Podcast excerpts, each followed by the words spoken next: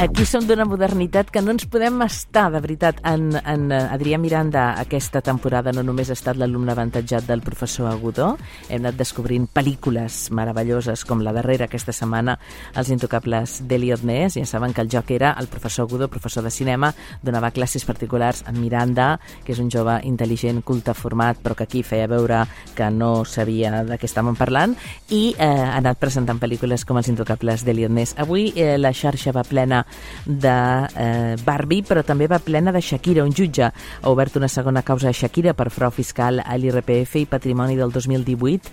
La cantant colombiana té pendent un judici el proper novembre per defraudar 14,5 milions entre 2012 i 2014. Avui deia Shakira que, clar, ets-li la culpa al bugui, òbviament, com feia el Jackson 5. La culpa és dels eh, assessors deia Shakira, però nosaltres, escolti'm, com que no som assessors, doncs no diem res.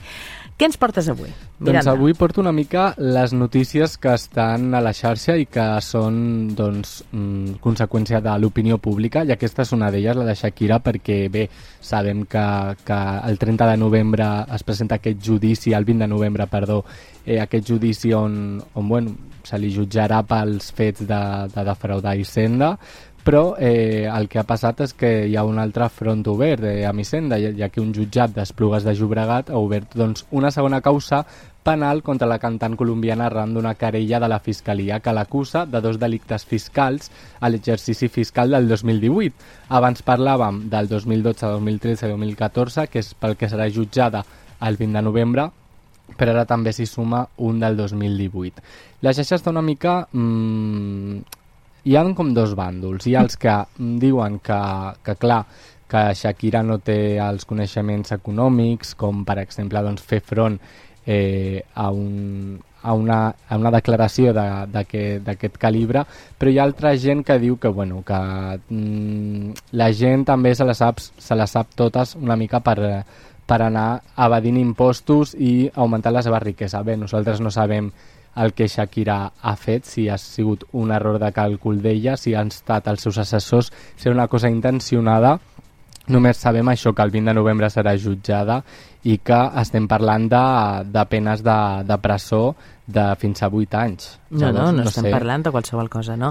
8 anys de penes de presó amb una xifra que abans posàvem damunt de la taula és de més de 14 milions mm. d'euros, mm. una part d'aquesta eh, circumstància que la pot portar eh, bé, fins a una pena tan important com 8 anys de presó. Ella deia que eh, ha estat assessorada pel millor equip fiscal, però jo, perdonin, eh, no, no, jo no, no, evidentment no, no sé, no tinc 14 milions d'euros, però suposo que tu has de saber què has de fer amb aquests diners, has de mm. saber, tant de donar explicacions sobre el que significa, eh, bé, doncs, posar-los cap a una banda, utilitzar-los cap a una altra, eh, fer una despesa, fer-ne una altra. Vaja, és la justícia la que haurà de dir el que passa. També surt una mica salpicat Piqué, eh? També, no? Tema, perquè pensen una mica que com que li ha fotut el problema ella a ella, i, i que no ha estat només una cosa de la colombiana sinó també del català, del futbolista. Però bueno, mm, això tampoc se sap. O sigui, la gent parla, eh, és opinió pública, són personatges públics però fins que un jutge no dictamini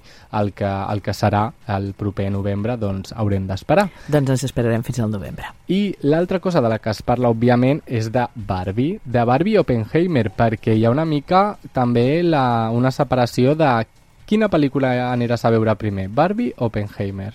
Tu... Jo? Uh, crec que Oppenheimer. És que jo crec que també. Barbie és que, és clar, Barbie, a veure, jo penso que s'ha de veure, i s'ha de veure, les dones han de veure Barbie, i s'ha de veure des d'un punt de vista transgeneracional, però, però penso que Oppenheimer és una pel·lícula feta per algú que és un mag del cinema, que és Christopher Nolan, recordi Internet i moltes altres pel·lícules, així doncs que jo penso que aniré a veure Oppenheimer. També el que s'ha comentat molt d'aquesta pel·lícula és que Cillian Murphy, que és el, el protagonista, que és el que ha fet Peaky Blinders, que és un, un noi que no accepta fer mm, qualsevol pel·lícula, és a dir, que ha hagut de veure que aquesta pel·lícula serà transversal i serà un canvi a, a, la, a la cultura del cinema i per això ho ha acceptat. Doncs bé, hi ha cinemes que el que han fet és, bueno, perquè no t'hagis de cantar ni per Barbie ni per Oppenheimer, que fem un pack dels dos, Barbieheimer. Llavors, ofereixen packs per anar a veure les dues pel·lícules en un mateix dia. És a dir, no tu estàs 5 hores al cinema, vas a una pel·lícula, acaba aquesta pel·lícula i hi ha una mica de paron, doncs, perquè vagis al lavabo o perquè... O perquè volves a sentir mismo. doni l'aire una mica de porta i després, doncs, tornes a, a entrar al cinema a veure Barbie o a l'inrevés. Mira què diu en Willy, té tota la raó del món. Pots triar l'ordre? Perquè, clar, doncs... no és el mateix començar per Barbie i després Oppenheimer, o Oppenheimer... Jo començaria amb Barbie. Jo també començaria amb Barbie. L'altra, que és més dura, doncs ja és, per marxar cap a casa. A veure, cuidado, que és la com els diria jo, eh, el creador de la bomba nuclear, no és qualsevol cosa. Doncs de Barbie també s'està parlant molt a les xarxes perquè s'ha fet la premiera a Madrid. I què ha passat a la premiera de Madrid? Doncs que han anat molts cantants, molts actors, molts influencers una mica a fer doncs, la catifa vermella, que en aquest cas era catifa rosa. Doncs què ha passat? Que la gent a les xarxes està una mica comentant els outfits que ha portat cadascun. I quins doncs, són els millors i quins podrien haver millorat o dit d'una altra manera, quins són els pitjors perquè a les xarxes hi ha molt hate.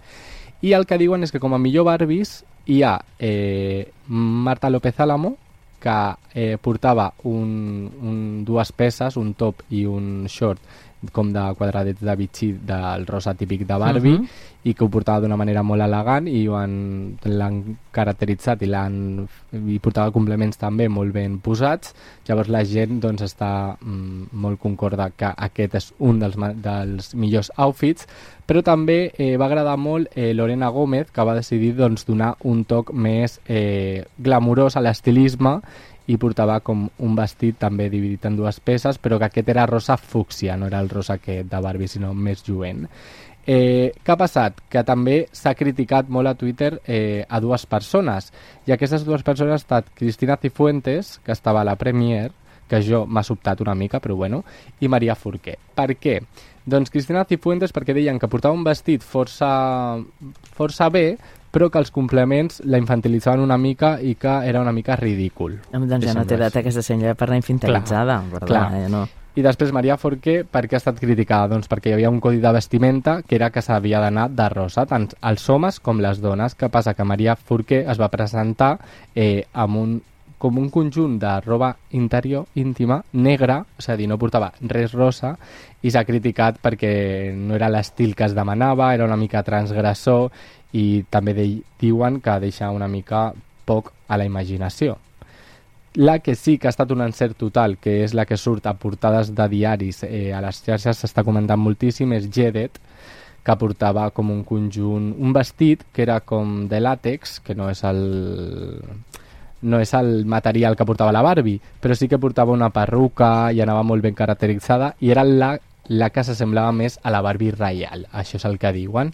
Doncs quina calorada anar amb làtex. Mira, Miranda, acabem de saber que a Viena eh, hi ha un senyor que té una col·lecció de 1.800 Barbies, un senyor que es diu Manfred Reichel, que té 58 anys, que el fan dir el doctor de les nines, Mm. Té una botiga al centre de Viena on amagatzema les figures de Barbie i de Ken. 1.800 nines amb 1.500 vestits. És a dir, té 1.800 nines eh, de Barbies i Ken, evidentment, repartides, suposo, i aleshores, com que els ha de vestir, té 1.500 vestits. Aquest senyor, clar, avui surt a tot arreu, ho veuran d'aquí una estoneta al país, um, està ara sortint a través de l'agència F, ho podem llegir, perquè saben vostès que s'avança sempre, i nosaltres ens avancem el que llegiran d'aquí una estona a la premsa premsa digital, eh, un senyor Viena amb 1.800 nines. Quina por. No, quina por i també aquest home ja té negoci, eh? Home, per futur. favor, 1.800 nines. Ahir que parlàvem de les subhastes, eh, sí. pot, pot posar una de les nines i ja et dic jo que s'emporta un, una bona quantitat. De fet, quan va fer 50 anys, ell en té 58, es va regalar la Barbie més eh, especial que existeix, que és el primer prototipus original de 1959. Després ho vendrà i es farà de Barbie d'or, clar. També et dic que ara les Barbies les fan molt, molt bé, però les primeres donaven una mica de por. És que aquests ninos a vegades donen a mi. Jo com sóc de Nancis. Jo Nancis, perquè tinc edat de Nancis i no de Ken, ni de Barbies. Què més, Miranda? I per acabar parlarem d'una notícia que també està donant molt a parlar a les xarxes socials i és que a TikTok s'ha pujat un vídeo de Virginia Knoll, que és una, una jove de 22 anys de Boston, que assegura que experimenta recurrents erupcions a la pell després de passar temps amb el seu xicot. És a dir, que diu que el seu xicot li dona al·lèrgia. Doncs bé, al principi va pensar que era una al·lèrgia estacional, però va descartar notar que els símptomes apareixien després d'haver estat amb la seva parella. Així, convençuda que la seva relació amorosa és la causa d'aquestes eh, reaccions al·lèrgiques, Virginia, eh, que mostra la seva preocupació a internet, es planteja trobar-se a la inusual circumstància que pot ser al·lèrgica a la seva parella. Bé, després d'això es mm, clar, òbviament tu no ets al·lèrgica a una persona, seràs al·lèrgica doncs, a alguna cosa que hi hagi a la seva casa, algun component que utilitzi del perfum, qualsevol cosa, però a una persona no. Doncs això també està donant molt a parlar a les xarxes socials perquè què diuen, Sílvia? Diuen que és, la gent també és enrabassada i diuen que potser li dona al·lèrgia perquè el, el xicot d'ella s'està acostant amb un altre i que això pot ser que porti algun, algun aroma doncs que li doni al·lèrgia. És a dir, que la gent és enrabassada i es fica també... No el demanen. Perquè els, els grans espectadors que tenim avui a l'estudi de, de Boca Orella al carrer Roc Boronat 27 diuen que no saben com deixar aquesta relació. Ella no sap com deixar-lo i s'inventa lo de l'al·lèrgia, perquè clar, si després no, està... no, però és ella l'al·lèrgica, eh? Sí, sí, però malgrat tot, a vegades això de l'al·lèrgia és com una excusa. No és que tinc al·lèrgia. Mm, escolti'm, mm, vagi vostè al metge que... que li facin les proves i m'ho demostra. Hi ha declaracions de la, de la dona que diu va començar amb una gran picor als ulls i llagrimeig. Eh, ens vam adonar que després de passar uns dies al seu apartament em sortia una granellada molt forta la setmana següent i em sentia força malament durant uns dies. També ha dit, hi ha alguna cosa que em fa tenir aquesta reacció, sóc al·lèrgica a ell. Clar, a ell no és al·lèrgica. Després diu que, bueno, que, clar, és que tu no ets al·lèrgica a una persona. No, i si ho ets, adéu molt Jo sóc al·lèrgica al polen, per, Per exemple, sí. Però no a una persona. No. Però si una persona porta un perfum que porta components Polen, del doncs ja polen, està. doncs ja està, Claro, tanco ja i en està. botella.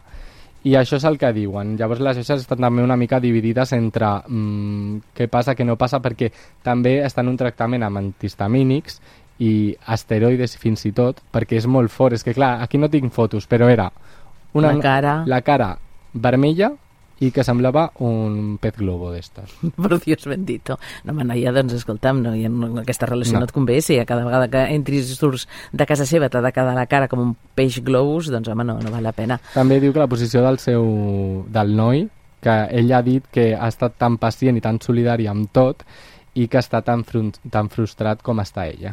Pobret, escolti, no, miri, escolti, no, no, millor deixar-ho que estar. clar, imagina't Abans tu d'acabar l'hospital. aquesta situació. No, vaja, jo ho tinc claríssim, adéu molt bones, no acabarem a la casa un pez globo tot el dia. No, ya no tenemos edad. Tu, Miranda, que eres joven, jo com un pez globo, ja no. Eh, Miranda, gràcies. Gràcies. I gràcies per aquesta temporada meravellosa. Demà farem fer de festa, però Miranda ha fet cada setmana una secció meravellosa, sobretot allò que trobem a les xarxes, a internet, que no acabem d'entendre, en Miranda ens ho ha explicat fantàsticament bé.